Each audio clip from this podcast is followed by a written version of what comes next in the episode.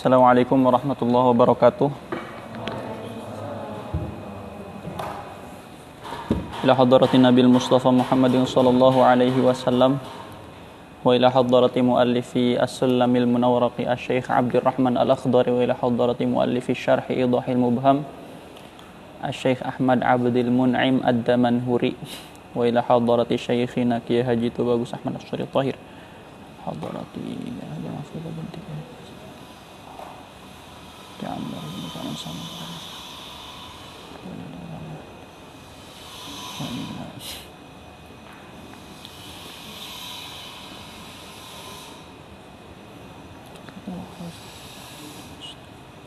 وأصولهم وفروعهم الفاتحة. أعوذ بالله من الشيطان الرجيم. بسم الله الرحمن الرحيم. الرحمن الرحيم.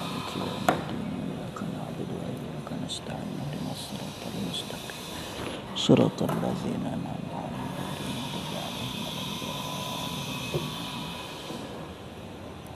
Ya, biar, biarkan kabeh lah ya.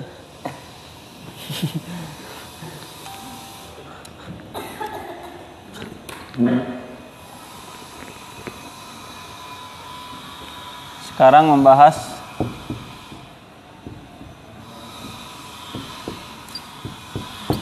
Anwa'ul ilmil hadis. Apa itu ilmu?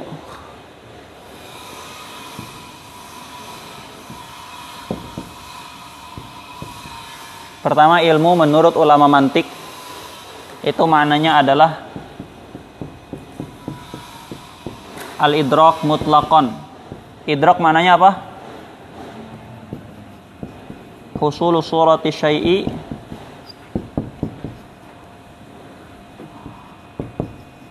fi zihni. Husulu surati syai'i fi zihni. Ini menurut manatikoh. Nanti kita akan memahami apa maksud mutlakon di situ. Nah, menurut selain manatikoh yaitu menurut usuliyun dengan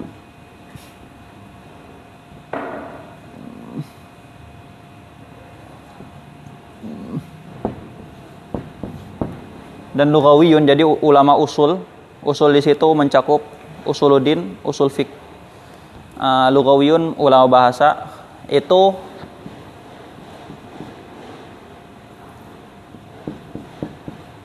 al-idrak al-mutabiq lil waqi' an-nashi an dalil ini ya jadi ilmu kalau menurut manatikoh itu mananya idrok mutlakon yang penting ada gambaran di pikiran udah itu ilmu menurut ulama mantik menurut ulama selain mantik ilmu itu kalau husulu surah fi zihni, ada gambaran di otak kita, harus mutabik lil waqi' harus sama dengan kenyataan.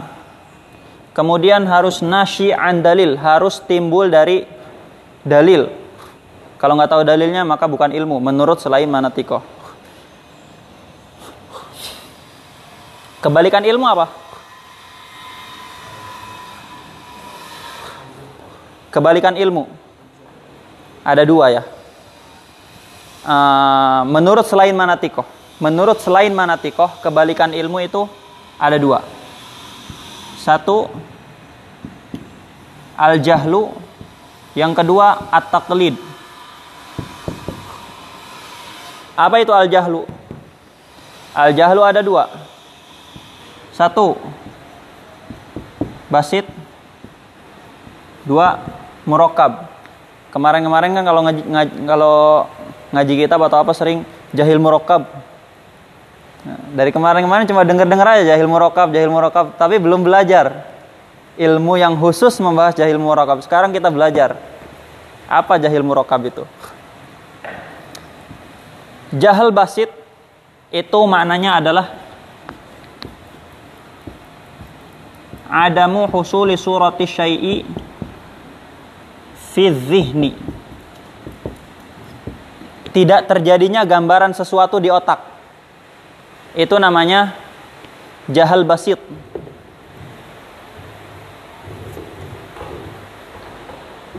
Panjangan? Jadi tidak tidak ada gambaran sesuatu di otak itu namanya jahal basit. Misalkan saya tanya, uh, apa itu ilmu makulat? Apa? Enggak tahu. Nah, itu namanya adam husuli surati syai'i fi dhihni. Adamu husuli surati ilmil makulati fi dhihni. Itu namanya jahal basit kalau jahal murakkab itu definisinya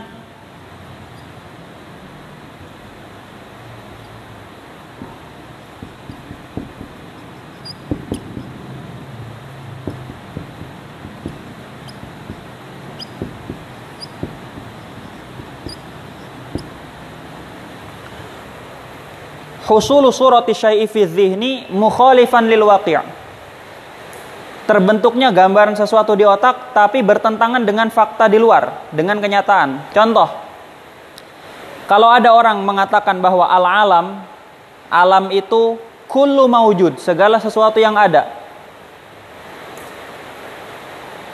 Itu namanya jahal basit. Kenapa? Karena Allah juga ada. Apakah Allah itu alam? Bukan. Berarti gambaran alam yang terbentuk di kepala dia bertentangan dengan fakta di luar. Benar nggak? Di kepala dia dia mikir alam itu segala sesuatu yang ada. Ini bertentangan dengan fakta di luar. Fakta di luarnya Allah bukan alam, padahal Allah itu ada. Gitu ya. Jadi jahal murokab itu ada gambaran di kepala tapi gambarannya mukhalif lil waqi', bertentangan dengan fakta di lapangan. Kenapa yang ini disebut jahal basit? Karena dia adam, tidak ada gambaran. Tidak ada gambaran itu sesuatu yang basit. Basit itu artinya apa? Sederhana. Tidak tersusun. Basit itu tidak tersusun dari bagian-bagian. Dia hanya nggak ada gambaran, udah selesai. Tidak ada bagian-bagian di situ. Tapi kalau yang ini, kenapa disebut murokab? Karena dia tersusun dari dua hal. Satu, husulu surati syai'i fi zihni uh, al-mukhalif lil waqi'. Yang kedua, i'tiqad anna hadha syai' mutabikun lil waqi'. Saya ulang ya. Nanti lihat aja videonya. Kalau jahal murokab itu tersusun dari dua. Satu, ada gambaran yang bertentangan dengan kenyataan. Kedua, dia meyakini bahwa gambaran tadi sesuai dengan kenyataan. Ada dua kan di situ? Ada dua. Ada gambaran di otak yang gambarannya bertentangan dengan fakta di luar. Yang kedua, dia meyakini gambaran yang terjadi di pikiran dia sesuai dengan fakta di luar. Itu namanya jahal murokab. Jadi kenapa disebut murokab? Karena tersusun dari dua hal. Jelas ya? Jelas nggak? Kaharti? Oke. Nah, ini menurut selain manatikoh. Menurut selain ulama mantik. Kalau menurut ulama mantik, Tadi kita sudah bahas, menurut ulama mantik, ilmu itu apa? Al-idraku mutlakon. Nah, sekarang ini, jahal basit. Ilmu bukan? Ilmu bukan menurut manatikoh? Bukan. Karena ilmu itu husulu surati syai'i azihni. Kalau dilihat, jahal murokab, ilmu bukan menurut manatikoh? Ilmu bukan? Hah? Yang yakin dong. Yang yakin siapa yang berani bilang?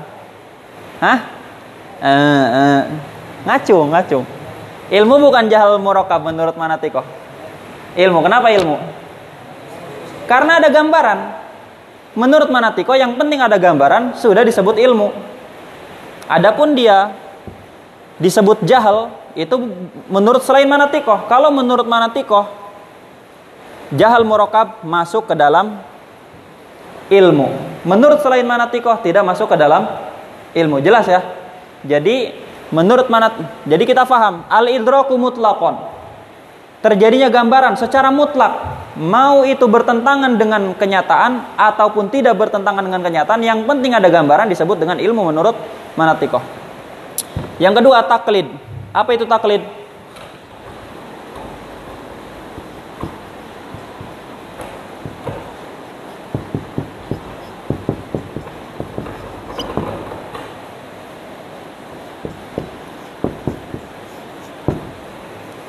Taklid itu terjadinya gambaran sesuatu di otak tapi munculnya bukan berdasarkan dalil.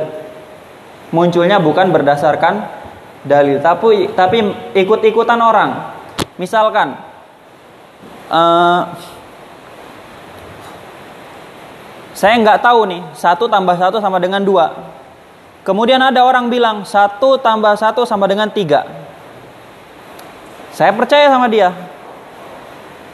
Ya sudah, saya percaya dengan sampean bahwa satu tambah satu sama dengan tiga. Maka di kepala saya itu terjadi gambaran sesuatu. Apa itu? Satu tambah satu sama dengan tiga. Tapi saya mengetahui satu sama dengan eh, satu tambah satu sama dengan tiga itu bukan berdasarkan dalil, hanya ikut-ikutan, gitu ya. Nah itu namanya taklid. Jadi taklid itu mau sesuai dengan kenyataan ataupun tidak sesuai dengan kenyataan, yang penting dia mengetahuinya tanpa dalil, hanya ikut-ikutan kepada orang, itu masuk dalam taklid. Jelas ya? Uh, jadi taklid itu ada yang sesuai dengan kenyataan, ada yang tidak sesuai. Saya kalau ikut orang lain, dia bilang satu tambah satu sama dengan dua, saya ikuti. Maka ketika itu saya mengetahui bahwa satu tambah satu sama dengan dua, itu namanya taklid dan kebetulan sesuai dengan fakta di luar. Tapi kalau kemudian ada orang bilang satu tambah satu sama dengan tiga, saya ikuti.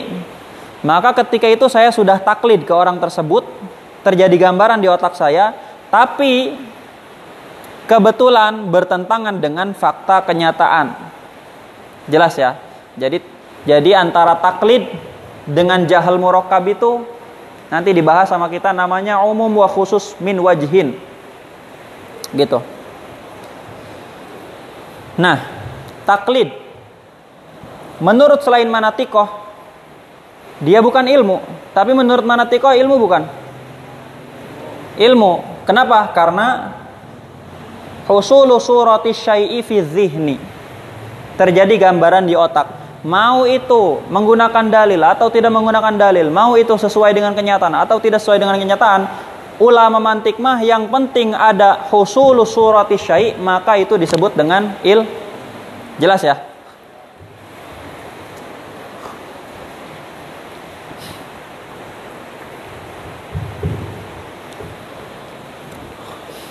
Nah, berisik ya. Nah, sekarang di sini al hadis. Anwaul ilmil hadis. Hadis itu apa? Hadis itu makhluk. Hadis itu makhluk. Nah, kalau kita pengen memahami yang dimaksud anwaul ilmil hadis, kita harus tahu dua, harus tahu dulu apa itu ilmu qadim. Yang kita bahas itu ilmu hadis, berarti tidak membahas ilmu qadim. Ilmu qadim itu ilmunya Allah. Ilmu Allah definisinya ini saya hapus.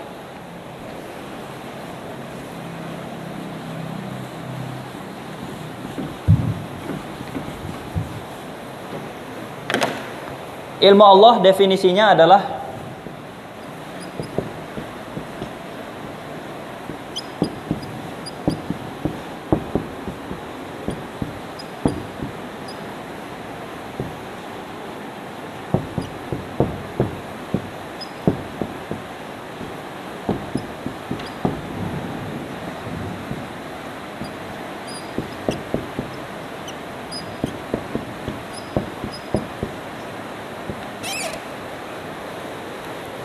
Sifatun wahidatun qaimatun bidzatihi ta'ala. Sifat yang satu yang qaimatun bidzatihi ta'ala.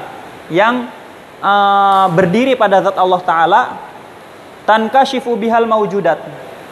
Yang dengan sifat tersebut segala sesuatu yang ada di muka bumi itu tanka syif terbuka bagi Allah. Wal ma'dumat dan segala sesuatu yang tidak ada juga terbuka bagi Allah. Inkisyafan taman dengan terbuka yang sempurna jadi sifat Allah itu wahidah. Wahidah itu maksudnya apa? Wahidah itu maksudnya adalah la ta'adduda fihi. Tidak ada bilangan di dalamnya. Jadi ilmu Allah itu tidak terbagi. Ilmu Allah itu tidak terbagi. Maka dia disebut sifatun wahidatun, sifat yang satu. Kenapa? Karena tidak terbagi. Tankashifu bial maujudat wal ma'duwat inkisyafan taman. Maksud inkisyaf tam di situ adalah apa? Ilmu Allah itu la yasbiquhu jahlun wa la yalhaquhu jahlun. Ilmu Allah itu tidak didahului dengan ketidaktahuan dan tidak disusul nanti di masa depan dengan ketidaktahuan. Itu maksudnya inkisyaf tam. Jadi Allah dari dulu sampai nanti akan tetap disifati dengan ilmu terhadap segala sesuatu baik itu yang ada ataupun tidak ada itu ilmu ilmu Allah. Jelas ya? Jadi ilmu Allah itu tidak akan pernah ditempeli dengan sifat jahlun. Selamanya disifati dengan ilmu. Nah, kita kan di sini sedang membahas anwa'ul ilmil hadis. Otomatis ilmu Allah itu sifatun wahidatun. Kalau sifatun wahidatun berarti dia tidak ada nawanya, tidak ada macam-macamnya. Ilmu Allah itu satu. Tidak ada macam-macamnya. Jadi dengan kalimat anwaul ilmi saja kita faham bahwa di sini tidak akan berkaitan dengan ilmu Allah. Kenapa? Karena ilmu Allah itu tidak ada anwa'nya karena dia sifatun wahidatun.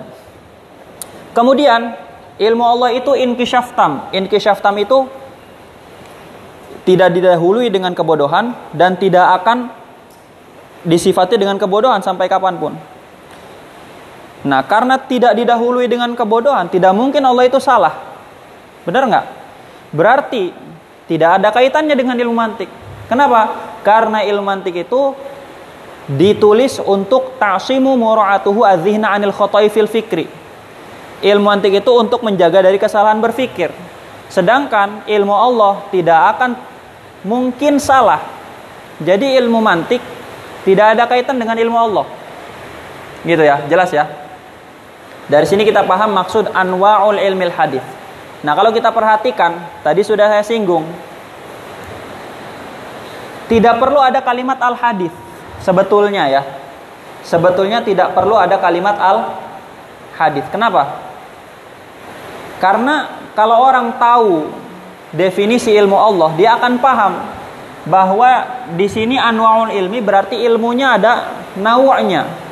Sedangkan ilmu Allah itu tidak ada macam-macamnya, dia sifat yang satu. Jadi cukup sebetulnya ngomong anwaul ilmi, orang sudah paham bahwa ini tidak ada hubungannya dengan ilmu Allah. Tapi kenapa di situ Imam Al-Akhdari menulis, menuliskan kalimat al-hadis? Kenapa? Nanti kalian baca di tengahnya di Syarah Idhul Mubham itu dijelaskan alasannya. Alasannya adalah kitab ini ditulis untuk pemula. Pemula itu nggak tahu definisi ilmu kodim. Tidak tahu definisi ilmu Allah itu apa.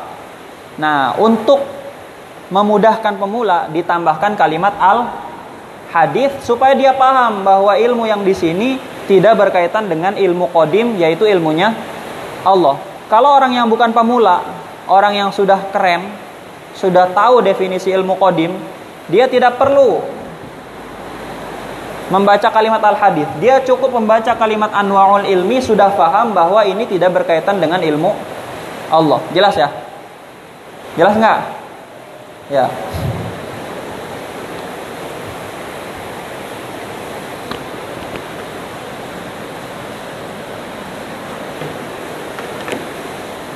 Nah, kita membahas anwaul ilmi.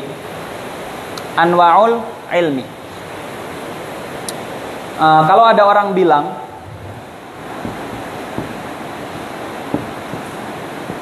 Zaid koim Zaid berdiri. Ada orang bilang ke kita Zaid berdiri. Sebetulnya ada empat proses di situ.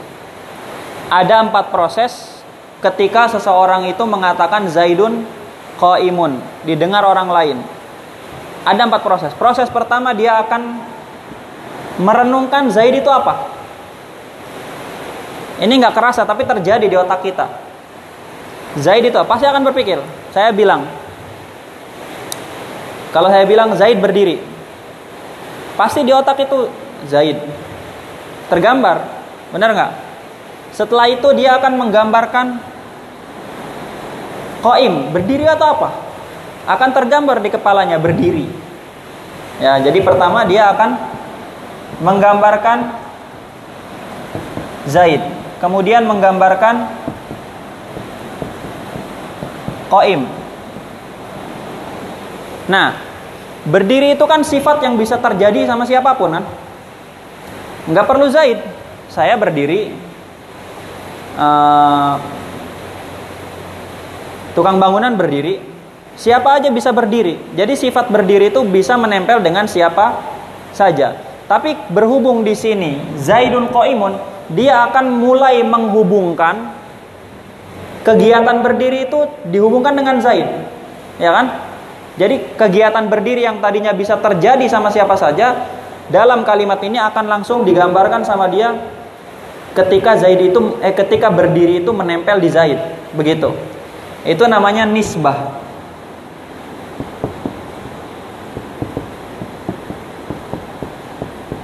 Nisbah baina Zaid wa Qaim. Hub, menghubungkan antara Zaid dengan Qaim. Karena Qaim itu seperti tadi ya. Zaid bisa nggak berdiri, bisa duduk, bisa makan dan lain-lain. Tidak terikat dengan berdiri kan? Benar nggak? Zaid nggak terikat dengan berdiri, dia bisa ngapain aja. Kemudian sifat berdiri nggak terikat dengan Zaid, bisa terjadi di uh, Muhammad bisa terjadi di Amr, bisa terjadi di Bakar. Tapi ketika mendengar Zaid Qaim, dia akan mulai menghubungkan tuh. Ketika si Zaid yang bisa melakukan perbuatan apa pun dihubungkan dengan kegiatan berdiri. Ketika kegiatan berdiri yang bisa terjadi di tubuh siapa saja dihubungkan dengan Zaid. Ada namanya nisbah hubungan. Terakhir hukum. Hukum itu apa?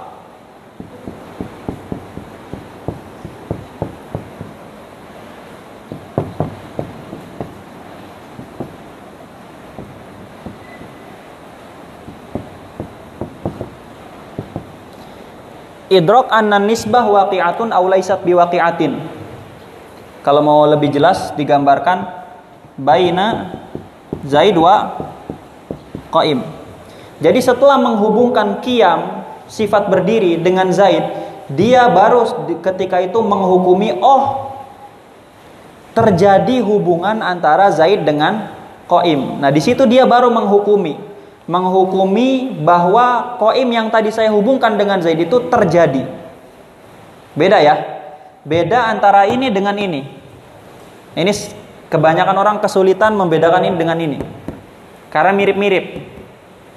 Ini apa namanya kaidah-kaidah umumnya nisbah itu berkaitan dengan maudhu' dan mahmul. Ini namanya maudhu', namanya mahmul. Nanti dipelajari. Sekarang pahami aja ini namanya maudhu'. Ya, bagian depan itu sebut maudhu' ya. Bagian belakang disebut mahmul. Nisbah itu berkaitan dengan maudhu' dan mahmul. Jadi ketika dia menghubungkan antara bahasa gampangnya dia menghubungkan antara mubtada dengan khobar.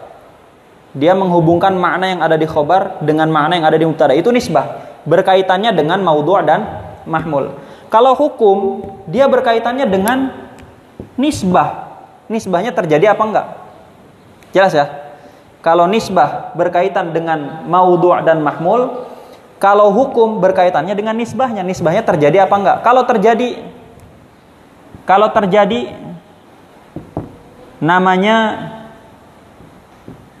isbat atau ijab.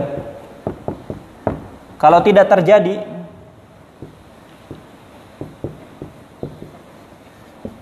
namanya salbun. Jelas ya? Nah, kita sudah ini semuanya proses yang terjadi di otak manusia. Mengetahui apa pun, ilmu apa saja, mubtada itu rofa. Dia akan menggambarkan mubtada itu apa, rofa itu apa. Rofa bisa terjadi di siapa aja, tapi dia akan mulai menghubungkan antara rofa dengan mubtada. Setelah itu dia akan menghukumi, oh terjadi hubungan antara mubtada dengan rofa atau oh tidak terjadi hubungan antara mubtada dengan rofa gitu. Nah.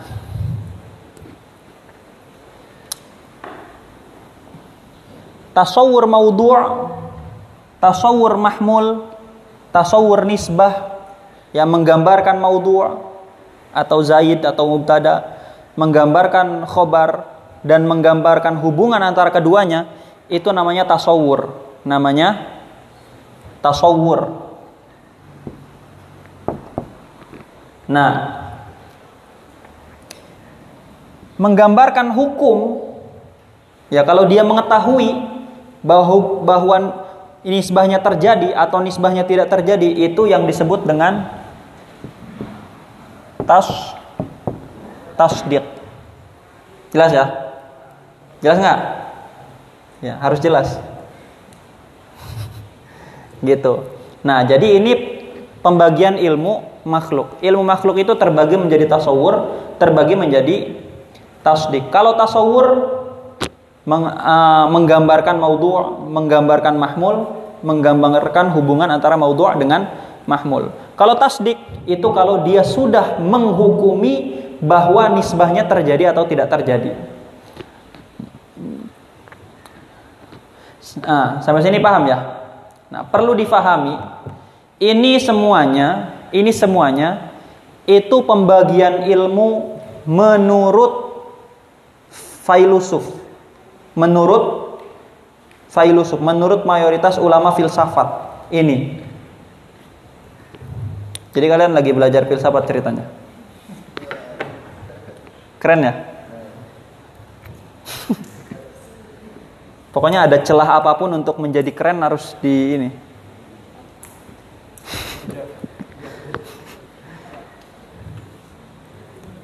Itu tadi menurut uh, Failusuf. Menurut Failusuf. Nah, tapi terjadi perbedaan pendapat di sini, di tasdik. Di tasdik. Kalau menurut Failusuf atau hukama, bahasa Arabnya Failusuf itu hukama. Kalau menurut hukama, tasdik itu adalah hukum, ya. Idraku anna nisbata waqi'atun aw laisat biwaqi'atin itu tasdik menurut hukama. Tapi nanti ada ulama imam besar umat Islam ya namanya Al Imam Ar Razi nah ini istilah penting istilah penting ya pokoknya setiap ada istilah kalian harus rekam baik-baik karena itu membantu kalian dalam membaca kitab-kitab selanjutnya setiap membaca kalimat Al-Imam setiap membaca kalimat Al-Imam di buku-buku logika di ilmu-ilmu akliyat itu maksudnya Imam Rozi. Ya, ilmu akliyat termasuk usul fikih, usuluddin atau akidah ilmu kalam, mantik. Kalau membaca kalimat al-imam maksudnya Imam Rozi. Tapi kalau membaca kalimat al-imam di kitab-kitab fikih Syafi'i maksudnya adalah Imam Haramain. Imam Haramain. Makanya hati-hati baca kitab Ya, kitab itu banyak rahasianya. Saya sering saya bilang banyak rahasianya. Jangan asal-asalan. Bisa jadi kalian ketukar.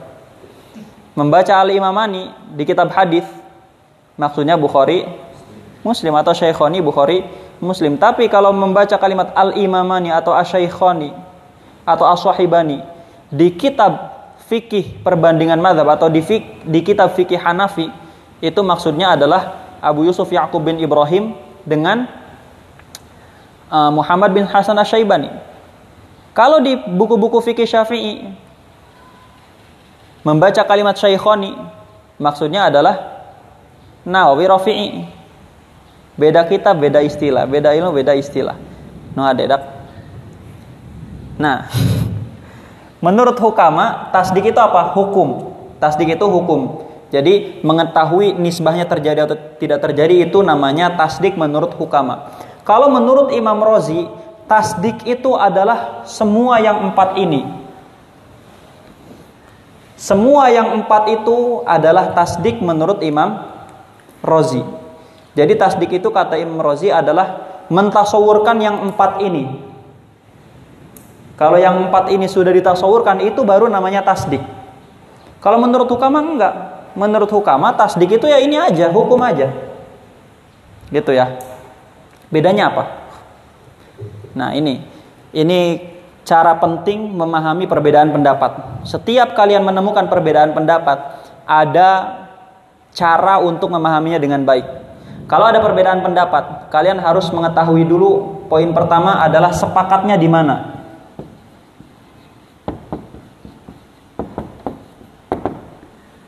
Sepakatnya di mana? Gak mungkin ulama itu berbeda 100%. Ada titik kesepakatan. Sepakatnya di mana? Semuanya, dua-duanya, baik hukama ataupun Imam Rozi, sepakat kalau ingin terjadi tasdik, harus terjadi semuanya. Jelas ya? Sepakatnya, dua-duanya sepakat. Mau itu hukama, mau itu Imam Rozi, sepakat. Tasdik itu tidak akan terjadi kecuali kalau empat-empatnya sudah terkumpul. Baru terjadi tasdik. Sepakat dua-duanya. Jelas ya? Bedanya, nah, poin kedua,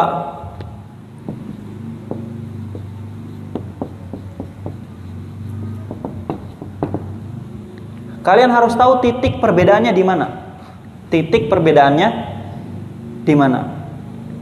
Titik perbedaannya apa? Titik perbedaannya tiga yang pertama ini tiga yang pertama itu dia itu bagian dari tasdik atau syarat terjadinya tasdik. Beda ya. Tiga yang pertama ini apakah dia juz'ut tasdik, bagian daripada tasdik atau dia syartun lit tasdik. Menurut hukama tiga yang pertama itu syarat terjadinya tasdik. Tapi menurut Imam Rozi tiga yang pertama itu adalah bagian daripada tasdik. Jelas ya? Uh, nah, Uh, poin kedua, uh, perbedaan selanjutnya.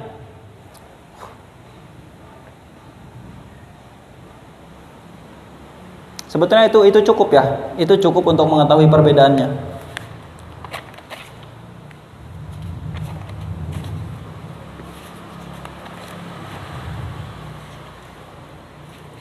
Perbedaan kedua, perbedaan kedua, tasdik menurut hukama itu basit. Basit itu apa tadi saya sudah jelaskan. Basit itu tidak ada bagiannya. La afihi itu namanya basit. Sesuatu yang tidak punya bagian. Nah, menurut hukama tasdik itu basit. Kenapa? Karena dia satu doang hukum, udah selesai. Jelas ya? Tapi menurut Imam Rozi, tasdik itu murakkab, tersusun dari bagian-bagian. Apa saja? Ya ini yang empat ini. Jelas ya? Belum? Ulang lagi. Tasdik menurut hukama itu basit sederhana, tidak tersusun dari bagian. Kenapa? Karena tasdik menurut hukama itu hukum saja. Sudah selesai. Satu doang, hukum itu tasdik, selesai. Tapi menurut Imam Rozi, Imam Rozi kan bilang apa? Tasdik itu adalah menggambarkan empat-empatnya ini disebut tasdik. Nah, maka tasdik menurut Imam Rozi itu sesuatu yang murokab, sesuatu yang tersusun.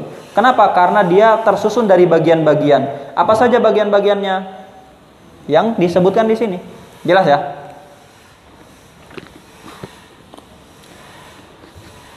Nah, hukum perbedaan ketiga.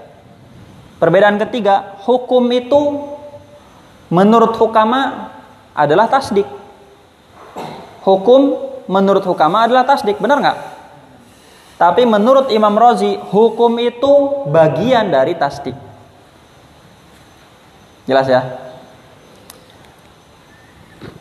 Ah, kalimat-kalimat sederhana yang mengumpulkan semuanya kalimat sederhananya. Apa namanya?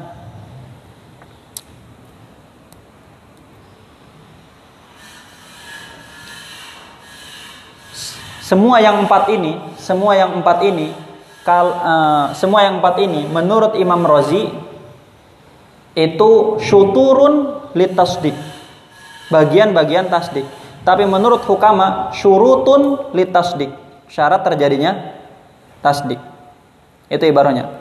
Tiga pertama ya. Tiga pertama menurut Imam Rozi adalah syuturun litasdik. Sedangkan menurut hukama itu syurutun litasdik. Ditukar, ditukar aja hurufnya.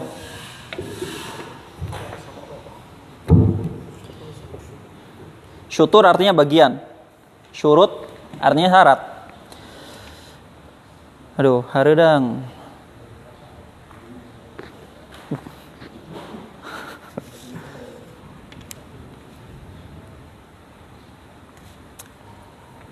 Pendapat siapa yang unggul?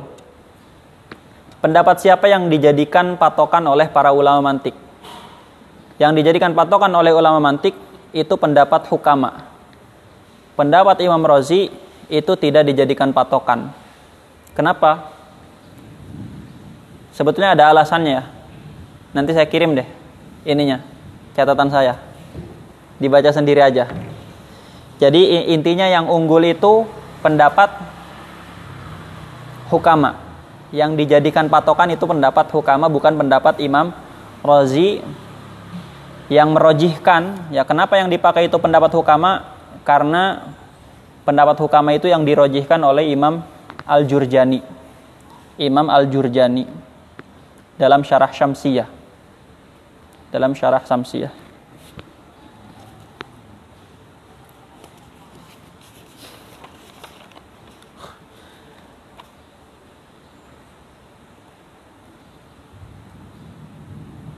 Udah, sampai sini istirahat dulu otaknya ya. Ada yang tanyain? Di skip dulu aja. Tapi bebas sih, kalau kekuatannya banyak nggak apa-apa.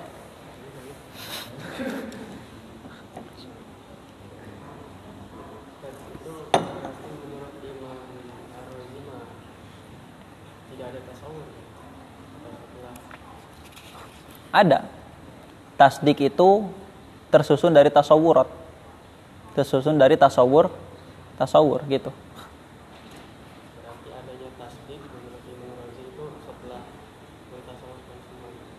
Itu menurut dua-duanya. Menurut dua-duanya. Tasdik itu baru terjadi kalau semua tasawurat lengkap baru ada tasdik. Gitu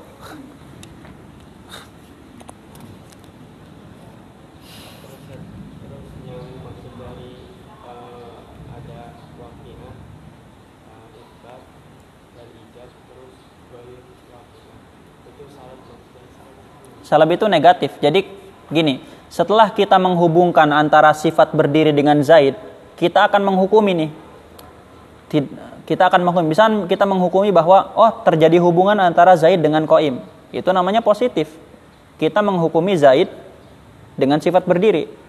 Positif, zaid berdiri. Tapi setelah menghubungkan antara zaid dengan berdiri, oh ini nggak ada hubungannya nih antara zaid dengan berdiri karena zaid sedang tidak berdiri. Itu namanya salab. Salab itu negatif manfi. Bahasa anak atonya yang sering bergumul dengan ilmu nahu manfi. Ya.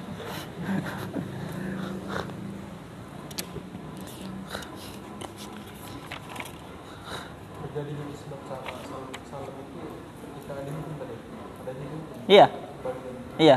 Ketika terjadinya positif atau negatif itu dihukum nisbah itu tidak ada positif, tidak, ada negatif. Kita hanya menghubungkan gimana sih ketika berdiri itu berhubungan dengan Zaid, gimana sih gambarannya? Setelah terjadi gambaran, oh baru kita hukumi enggak, tidak ada hubungannya Zaid dengan berdiri. Zaid sedang tidak berdiri. Itu penghukuman.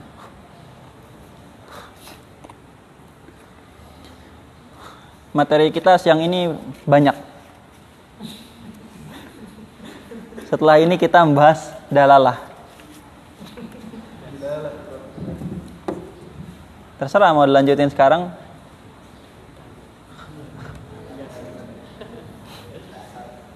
Iya. Makanya, kenapa? Apa manggil-manggil saya?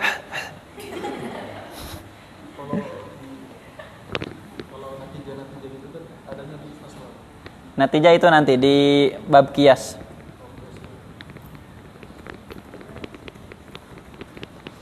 Saya bingung kenapa ya saya pulang ke Indonesia kepanasan mulu. Padahal bisa lebih panas, saya heran. Di Indonesia gerah mulu, banyak yang ngomongin.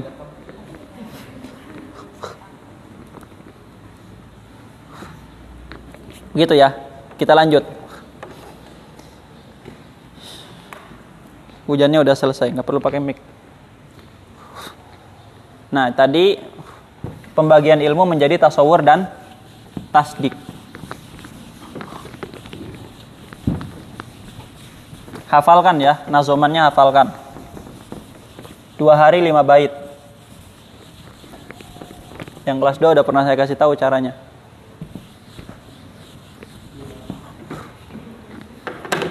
Gimana cara ngapal nggak nggak menghafal tapi tapi tanpa menghafal.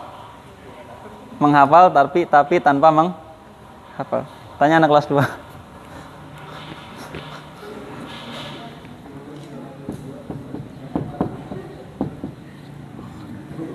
Anwaul ilmi tadi sudah kita bagi menjadi tasawur dan tasdik. Nah, setiap tasawur dan tasdik terbagi dua juga.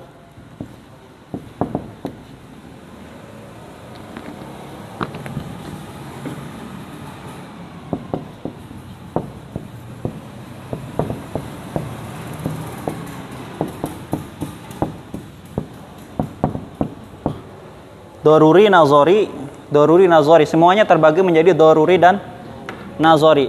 Doruri itu apa? Doruri itu layak tajila nazar, tidak butuh berfikir. Tidak butuh berfikir. Nazar apa? Sudah dibahas tadi pagi. Tartib umurin ma'lumah li ta'adi ila amrin majhul. Ya. Jadi tidak perlu doruri itu tidak perlu tartib umur ma'lumah li ta'adi ila amrin majhul. Enggak, doruri itu enggak tidak perlu mikir langsung terjadi. Kalau nazori kebalikannya, nazori itu mayah taju ilan nazor sesuatu yang butuh kepada nazar. Apa itu nazar? Tartib umurin maklumah li ta'adi ila amrin majhul. Jelas ya? Contoh doruri. Kita contohkan doruri di tasawur. Tasawurul burudah. Kalau saya ngomong dingin, kalian perlu mikir nggak? Enggak, dingin ya udah, Udah tahu gue. Gitu kan. Nah, itu namanya doruri. Nggak perlu mikir. Kenapa disebut doruri? Li'annal insan mudtorrun ila ma'rifatihi. Karena manusia terdesak, terdorong, tidak mungkin tidak, pasti dia mengetahui itu. La yumkin daf'uhu an nafsihi. Tidak mungkin ditolak dari diri sendiri. Pasti tahu. Dingin, apa itu dingin? Langsung tahu. Kalian tidak akan bisa menolak terjadinya gambaran dingin di otak kalian nggak bisa. Namanya doruri. Makanya disebut doruri kenapa? Li'annal insan mudtorrun ila ma'rifatihi. Nazori. Kenapa disebut nazori? Karena butuh kepada nazor. Karena butuh berpikir. Contohnya apa? Nazori tasawurul insan menggambarkan manusia. Butuh mikir apa sih hakikat manusia itu sebenarnya perlu berpikir. Apa itu fa'il? Harus mikir nggak? Harus mikir apa itu fa'il? Gitu ya. Contoh tasdik doruri. Contoh tasdik doruri. Ingat tasdik itu ada penghukuman kalau saya tuliskan Ana wujud. Kalian harus mikir nggak? Saya ada. Apakah kalian harus mikir untuk mengetahui bahwa saya ada? Nggak perlu. Kalian akan langsung tasdik, akan langsung menghukumi telah terjadi nisbah antara ana dengan mawujud. Ananya saya, bukan anak ini. Anak Mang Adul. Contoh tasdik nazori. Allah mawujud. Harus mikir nggak kalian untuk mengetahui bahwa Allah, bahwa Allah itu ada? Harus mikir. Kalau nggak harus mikir, nggak mungkin ada orang kafir. non muslim ya. Harus mikir untuk menghubungkan antara Allah dengan maujud. Nah, itu semuanya jelas ya. Kalau kalian buka di kitab Idhahul Mubham, di sini ada masalah yang di sini ada ibaroh, contoh di situ akan sulit kalian pahami. Bakal saya jelaskan. Contoh di situ tasawur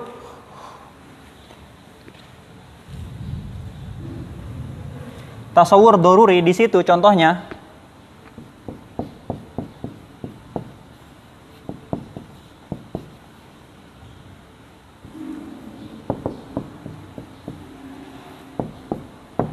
idraku al wahid nisful ithnain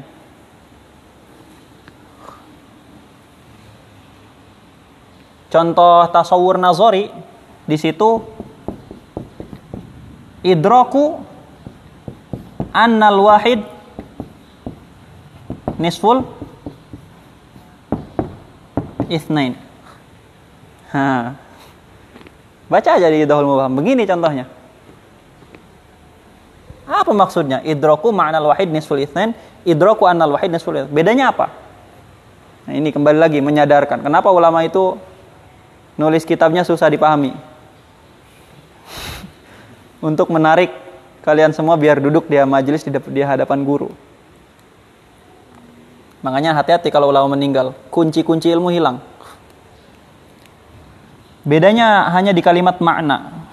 Di sini nggak ada kalimat makna. Di sini makna wahid nisful itsnain. Apa makna wahid nisful itsnain? Makna wahid nisful itsnain itu nisfiyatul wahid lil itsnain. Nisfiyatul wahid lil itsnain Idraku makna wahid nisul ithnen. Mengetahui makna satu setengah da dari dua. Butuh mikir nggak? Nggak butuh. Satu setengah dari dua. Nggak perlu mikir. Nah, ketika di sini ada lafadz makna. Makna wahid nisul ithnen itu apa sih? Makna wahid nisul ithnen itu adalah nisfiyatul wahid lil ithnain. Nisfiyatul wahid lil ithnain. Sifat setengahnya itu loh sifat sifat setengah yang menempel di angka satu. Tasawur bukan itu? Tasawur kan hanya sifat setengahnya. Gitu ya. Beda kalau saya bilang Oh, ini bu bukan di sini ya, salah. Di sini di tasdik.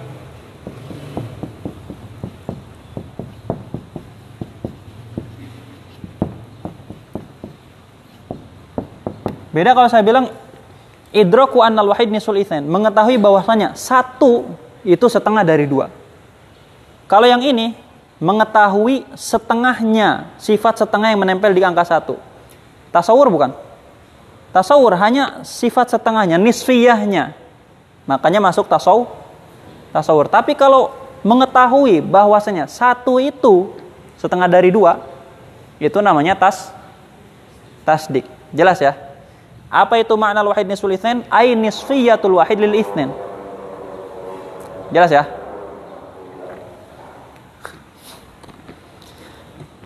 Nah, tadi kita sudah membahas definisi ilmu. Sudah membahas definisi ilmu. Kalau kalian baca di kitab Idhul Mubham, definisi ilmu di kitab itu definisinya adalah ma'rifatul ma'lum. Ma'rifatul ma'lum. Itu definisi yang kurang tepat. Definisi yang kurang tepat. Nah ini kembali lagi. Kalau baca sendiri nggak bakal tahu itu definisi itu kurang tepat. ya kan? Kalau baca sendiri kalian nggak bakal tahu bahwa definisi itu ada masalah di situ. Karena di situ kalau dibaca idhul mubam itu al ilmu huwa ma'rifatul ma'lum. Ini definisinya rusak. Kenapa rusak?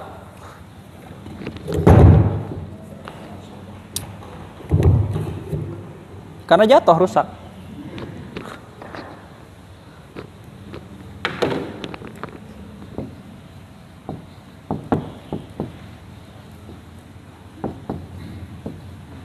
Al ilmu ma'rifatul ma'lum. Ma'rifatul ma'lum artinya apa?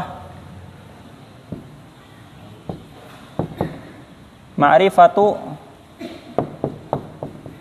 asyai alladhi waqa'a alaihi ilmu. Iya kan? Maklum artinya apa? Asyai'ul ladzi waqa'a alaihi ilmu, sesuatu yang ilmu itu terjadi di situ, ya kan? Nah, kita pengen tahu ilmu. Ini kan kita anwaul ilmi. Kita pengen tahu ilmu ini maksudnya apa di situ. Untuk mengetahui ilmu harus tahu definisinya. Ketika disebutkan apa definisi ilmu? Ma'rifatul ma'lum. Mengetahui maklum. Apa itu maklum? Maklum itu ma asyai'ul ladzi waqa'a alaihi ilmu apa itu ilmu? Marifatul maklum. Maklum itu apa? Asyai'ul ladzi waqa'a alaihi ilmu. Lah, saya kan pengen tahu ilmu itu apa? Apa itu ilmu? Marifatul maklum. Maklum apa? Asyai'ul ladzi waqa'a alaihi ilmu. Makanya definisi ini definisi yang rusak. Kenapa? Yalzamu minhu daur. Karena menyebabkan terjadinya daur. Daur itu muter-muter. Jelas ya? Nah, definisi itu sumbernya dari mana? Definisi yang disebutkan di Syarah Idhul Mubham itu sumbernya dari mana? Sumbernya yang pertama kali menuliskan definisi itu namanya Al-Qadi Al-Baqilani di kitab At-Taqrib wal Irsyad. Di kitab At-Taqrib wal Irsyad. Itu kitab usul fikih. At-Taqrib wal Irsyad kitab usul fikih tulisan Al-Qadi Al-Baqilani. Definisi itu kemudian diambil oleh Imam Haramain di kitab Talkhisut Takrib. Di kitab Talkhisut Takrib. Kitab usul fikih juga Kemudian dituliskan juga di warokot. Semua kitab usul fikih. Nah, maka Syekh Damanhuri mencantumkan definisi itu di kitab mantik itu nggak tepat. Pertama, definisinya mengandung aib. Yang kedua itu definisi menurut usuliyin. Kenapa dicantumkan di kitab mantik? Nah, itu di antara rahasia-rahasia yang terkandung di kitab Idhohul Mubham. Oke, istirahat dulu. Sebetulnya masih banyak banget ini pembahasannya. Gimana ya?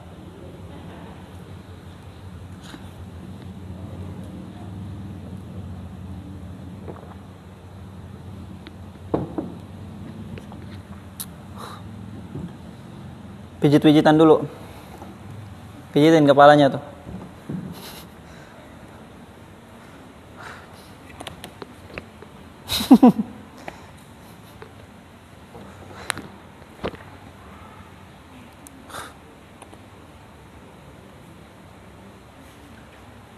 Ini kan nanti catatannya saya kirim di grup.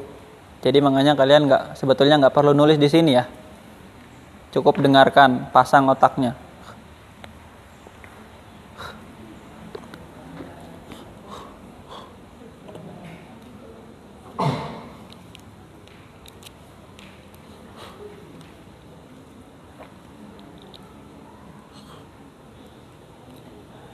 Pembahasan setelah itu itu pembahasan setelah ini itu pembahasan yang paling penting dalam ilmu mantik.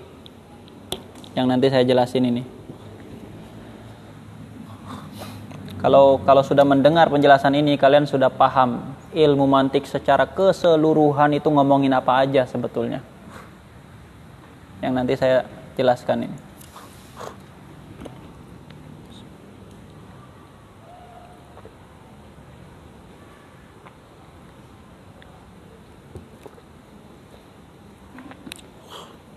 Oke, nanti ke sininya bawa rokok, bawa kopi, biar ngantuk ya.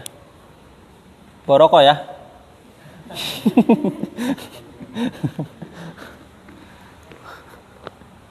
di Mesir ibu-ibu ngerokok loh. Di Indo juga banyak sih. Cuman di Mesir mah ibu-ibu yang ngerokoknya itu pakaiannya hijaber gitu. Tapi ngerokok. Santai di Mesir mah ya. Kenapa? Karena pakaian Islam itu sudah membudaya di mereka.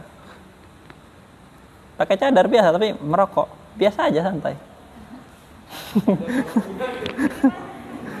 Gini,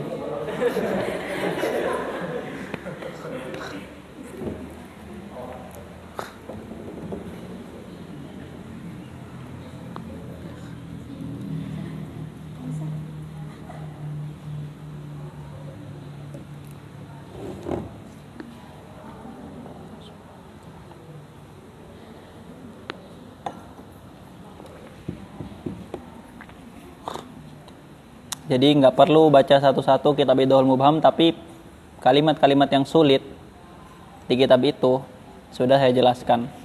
Tinggal baca sendiri. Kalau saya nggak males, nanti malam ya mutolaah Idhul Mubham dicoret aja. Kalau nggak males ya, kalau males ya enggak lah.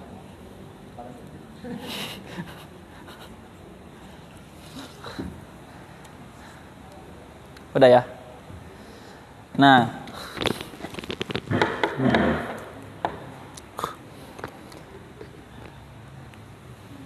Doruri itu nggak perlu mikir. Sedangkan mantik itu ilmun taqsim mura'atuhu adzihna anil khotai fil fikri. Sedangkan doruri itu nggak mungkin salah, ya kan?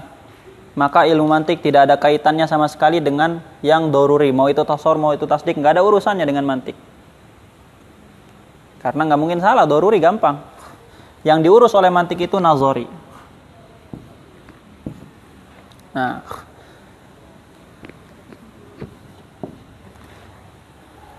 kembali tadi berpikir itu kan menyusun hal-hal yang diketahui untuk sampai kepada hal yang tidak diketahui. Nah, berpikir yang menghasilkan tasawur, berpikir yang menghasilkan tasawur itu disebut kaul syarih atau bahasa yang lebih umum ta'rif. Jadi ta'rif itu adalah menyusun pikiran-pikiran, menyusun kerangka berpikir, menyusun hal-hal yang kita ketahui untuk memahami sesuatu yang tidak kita ketahui dalam bentuk ta'rif. Itu yang mendatangkan tasawur. Yang mendatangkan tasdik, yang membuat kita menghukumi sesuatu, pikiran yang membuat kita menghukumi sesuatu itu disebut dengan hujjah atau kias. Atau bahasa gampangnya dalil. Bahasa gampangnya dalil. Jadi dalil itu yang membuat kita menghukumi sesuatu. Itu ya. Ya, dari sini kita sudah paham kerangka besar ilmu mantik. Tujuan tertinggi mantik adalah kias atau dalil. Kenapa kias? Ya karena kita belajar apa pun, mengetahui apa pun, ada penghukuman. Mau ngaji apa aja, mau ngaji nawa al-fa'ilu marfu' ada penghukuman. Nah, yang membuat kita menghukumi sesuatu itu adalah dalil, hujah atau kias. Maka tujuan tertingginya adalah kias. Kias itu tersusun dari dari kodoya. Kodoya itu bahasa gampangnya aja ya, bahasa gampangnya jumlah khobariyah. Jumlah lah, bahasa gampangnya jumlah. Fi'il fa'il, mubtada khobar, itu bahasa gampangnya. Jadi kias itu kan tersusun dari kodoya. Tadi saya me mengatakan bahwa alam itu hadis. Alam itu hadis. Dalilnya apa? Al alam mutaghayyir. Mubtada khabar bukan? Jumlah bukan? Jumlah. Wa kullu mutaghayyir hadis. Jumlah bukan? Nah, susunan al alam mutaghayyir wa kullu mutaghayyir hadis itu namanya dalil. Itu namanya hujah. Jadi dalil itu tersusun dari apa? Dari jumlah. Jumlah itu bahasa mantiknya kodoya. Jadi dalil tersusun dari kodoya. Kodoya al-alam mutagoyir. Itu kan kodiyah tuh ya. Al-alam mutagoyir itu kodiyah. Jumlah kan. Jumlah kan tersusun dari tasawurat. Benar nggak? Jumlah tersusun dari tasawurat. Kalau saya bilang al-alam mutagoyir, kita akan menggambarkan alam itu apa. Mutagoyir itu apa. Jadi jumlah tersusun dari tasaw tasawurat uh, sesuatu yang mendatangkan tasawur apa tadi? Kaul Kaul syari. Kaul syari. Kaul syari itu tersusun dari nanti belajar al-kulliyat al-khoms. Al-kulliyat al-khomsah. Kulliyat yang lima. Nah, Dua yang atas itu perangkat-perangkat yang dibutuhkan untuk membuat tasdik, membuat kita menghukumi sesuatu. Dua yang bawah itu perangkat yang dibutuhkan untuk mentasawurkan sesu, sesuatu. Tapi ini semua berbentuk makna. Ini semua berbentuk makna karena adanya di alam pikiran semuanya. Kita kalau ingin mengungkapkan apa yang ada di pikiran kita, kita butuh apa? butuh media. Butuh butuh media. Apa medianya? Yang paling kuat? Lafaz. Media paling kuat? Lafaz. Maka nanti di ilmu antik dibahas mabahithul alfaz. Sebetulnya ini bukan pembahas, bukan pembahasan inti mantik. Karena mantik itu berkaitan dengan alam pikiran gimana menyusun pikiran. Tapi pikiran ini nggak bisa diungkapkan keluar kalau tidak ada medianya. Banyak hal bisa pakai isyarat, tapi tidak akan sedetail lafaz. Maka butuh untuk mengetahui lafaz. Nah, ini semuanya yang di atas ini ma'ani, makna-makna. Makna-makna ya. Tapi untuk mengungkapkan makna-makna itu butuh kepada lafaz. Maka di mantik dibahas juga mabahithul alfaz lafaz tidak akan menunjukkan kepada makna tanpa adanya dilalah. Benar nggak? Tidak mungkin Zaid itu menunjukkan kepada seseorang tertentu kalau tidak ada dilalah. Dilalah itu nanti yang mengikat antara lafaz dengan makna. Maka butuh juga untuk memahami dilalah akhirnya dibahas juga pembahasan dilalah dalam ilmu mantik. Nah, maka yang dua ini dilalah dengan mabahithul alfaz itu hanya pengantar dasar menuju pembahasan inti mantik. Pembahasan inti mantik apa? Yang empat ini. Dua pertama itu untuk mendatangkan tasawur, dua kedua untuk mendatangkan tasdik. Dan ini semua berguna di semua ilmu. Tidak ada ilmu apa pun yang tidak butuh kepada mantik. Mustahil. Gak mungkin, gak terpikiran di otak. Gimana ada ilmu yang bebas dari kaidah mantik? Gak bakal. Ya, Nah ini semuanya pembahasan ilmu mantik. Tidak keluar dari yang enam ini. Kalau kalian faham enam ini semuanya, sudah selesai jadi ahli mantik. Kalau paham betul.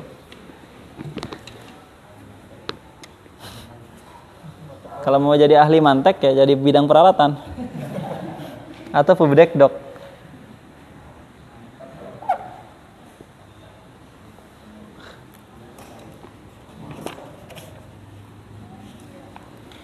Jadi udah tergambar ya. Sudah ada gambaran umum. Mantik itu ngomongin apa? Fungsinya apa? Pembahasannya apa saja? Tadinya saya mau ngebahas dilalah juga sekalian ini. Aduh. Udah pusing kepalanya.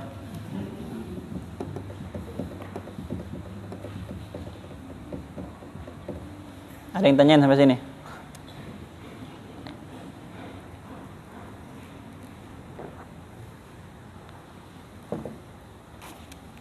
hal paling penting dari mempelajari ini istilah.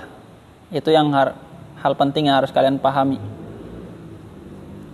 Masalah istilah-istilah. Karena itu yang berguna buat baca kitab di level selanjutnya. Syukur-syukur bisa menerapkan kaidah mantik. Jadi setiap ketemu ta'rif, wah. Coba nih, saya terapkan kaidah mantik di tarif ini. Bener nggak ini tarifnya? Setiap ketemu dalil, wah ini masuk syakal berapa? syarat syakal itu apa aja bener nggak ini dalilnya syukur-syukur sampai ke tahapan begitu kalau udah sampai tahapan begitu kalian akan jadi pemikir ulung. Bener serius. Kaidah mantik itu jangan diremehkan. Banyak profesor doktor kalau tidak belajar mantik kerangka berpikirnya acak-acakan. Kalau yang sama kalau sama yang ahli mantik ketahuan. Nah ini kok begini ya? Ketahuan ini masuk cakal berapa? Ini nggak memenuhi syarat intaj sama seperti tadi saya bilang Zaid koim eh Zaid insan ba'dul insan katib tapi kesimpulannya tiba-tiba Zaid katib. Ada yang salah di situ? Tapi kalian nggak tahu letaknya di mana. Mantik yang ngurusin itu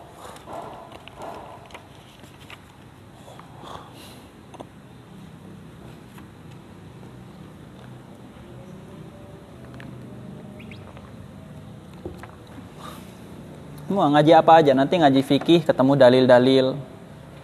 Ya, sekarang kan sering orang-orang mana dalilnya? Emang dalil itu apa sih? mana dalilnya tapi tidak tahu dalil itu apa. Gitu ya.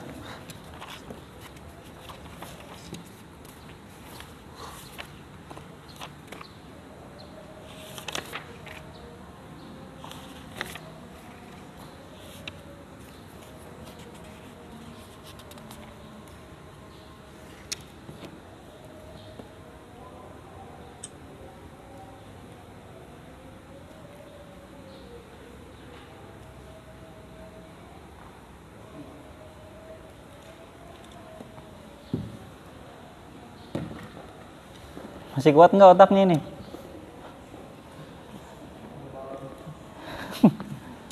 Nanti malam pada luang semuanya.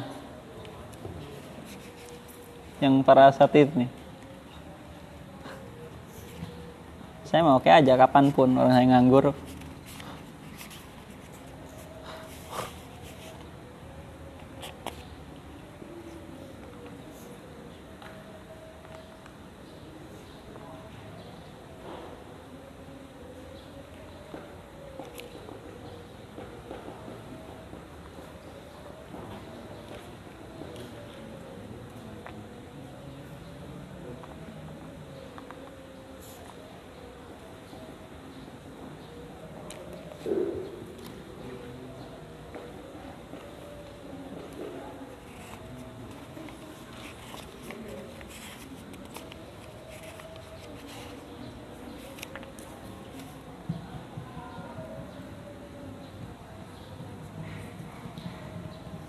Oh iya, kita belum baca nazamnya ya, lupa. Bismillahirrahmanirrahim. Faslun fi anwa'il ilmil hadithi utawi iki iku sawiji fasol fi anwa'il ilmil hadithi ing dalam pirang-pirang warna ilmu kang hadis.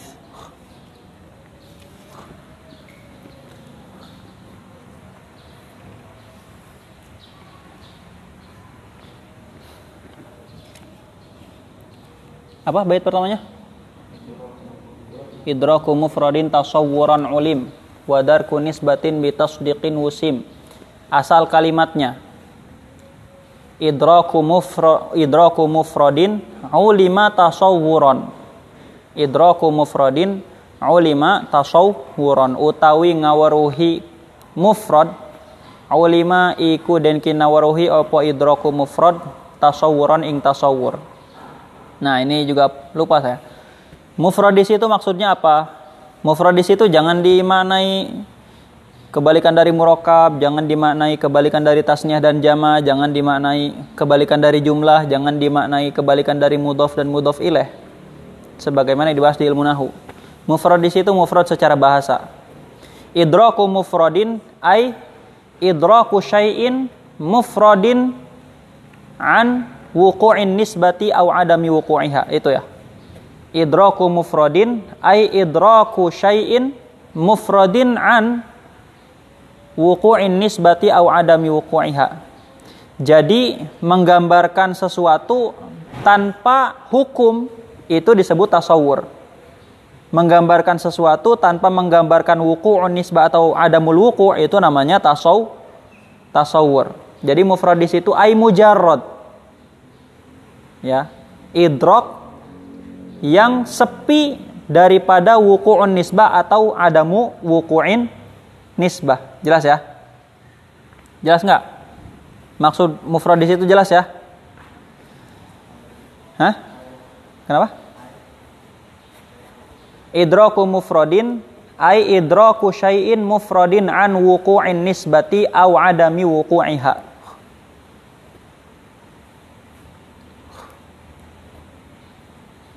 Buku ini sebab ada ya itu kalau mau disingkat ya hukum. Gitu aja. Idraku syai'in mufradin anil hukmi. Gitu selesai.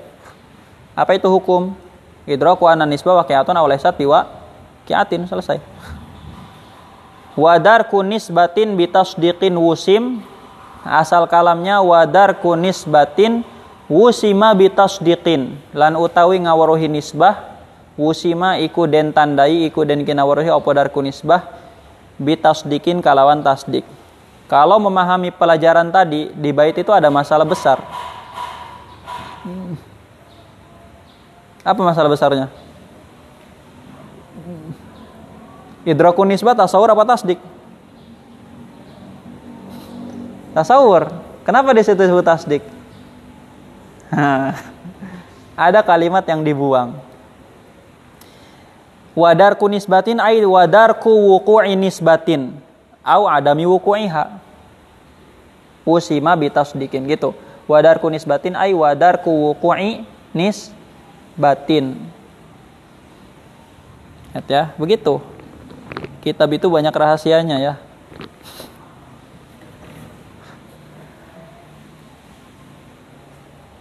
wa qaddimil awwala indal wad'i lan ngadiminakanlah sapa sira al awwala ingkang awal. Apa itu kang awal? Tasawur indal wad'i ing dalam nalikane nganggit.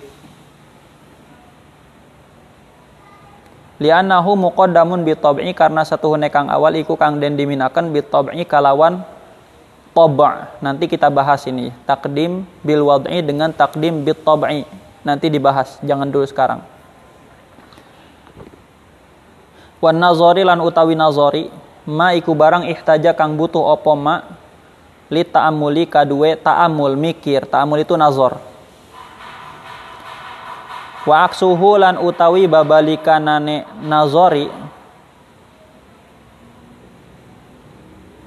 huwa doruri yaiku doruri aljali kang jelas. Wa ma bihi ila tasawurin wusil takdirnya wa ma wusila bihi ila tasawurin. Wa ma wusila bihi ila tasawurin. Lan utawi barang kang den sambungaken bihi opo kalawan barang ila tasawurin maring tasawur.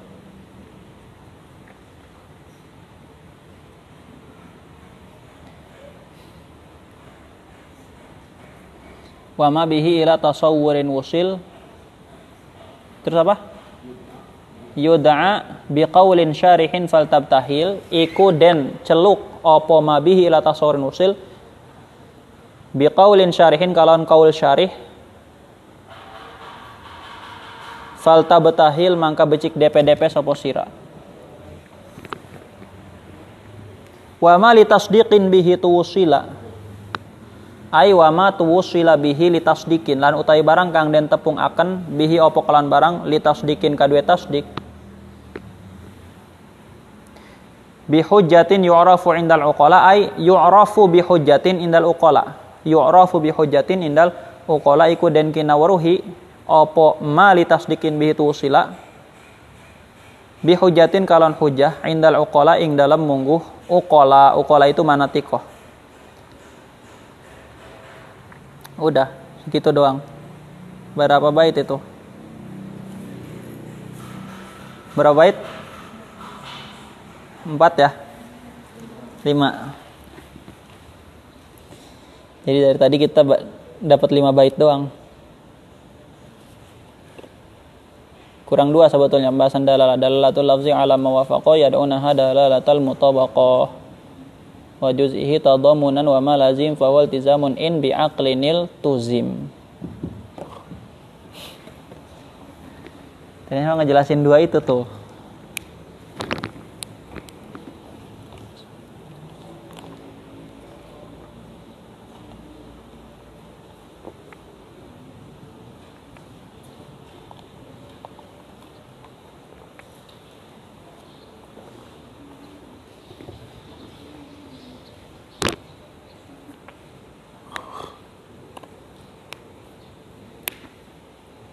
Nanti malam ada kegiatan? Habis ngaji maksudnya? Mau dilanjut nggak malam ini? Hah? Benar. Iya habis mutolaah, nggak apa. Pembahasan dalalah doang, karena targetnya sampai dalalah hari ini tuh. Ini mau saya hatamin seminggu atau delapan hari lah. Delapan hari udah menguasai sulam. Serem amat kayaknya. Dihafalin ya. Gimana cara ngapalnya? Cara ngapalnya kalian gak perlu hafalin, cukup dibaca. Setiap habis sholat. Setiap habis sholat baca lima bait. Setiap habis sholat baca lima bait. Hari pertama baca per bait lima kali.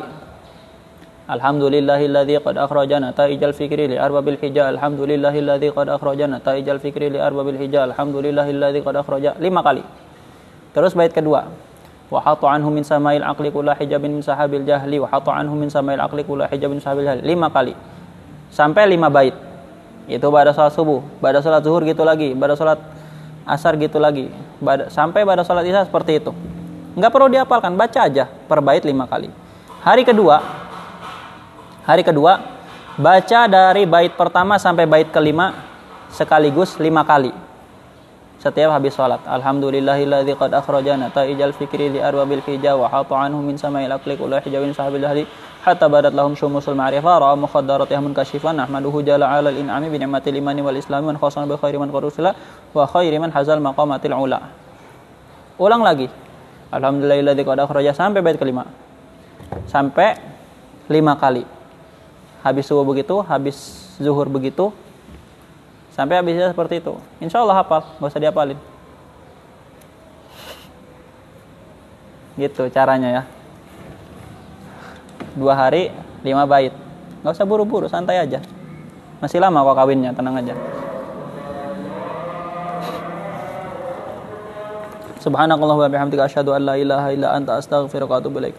اللهم صل وسلم على سيدي وحبيبي طبيب قلبي وجسدي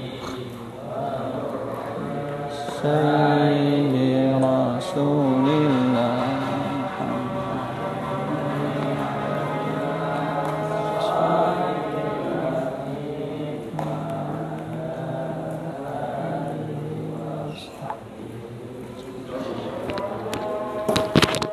السلام عليكم ورحمة الله وبركاته.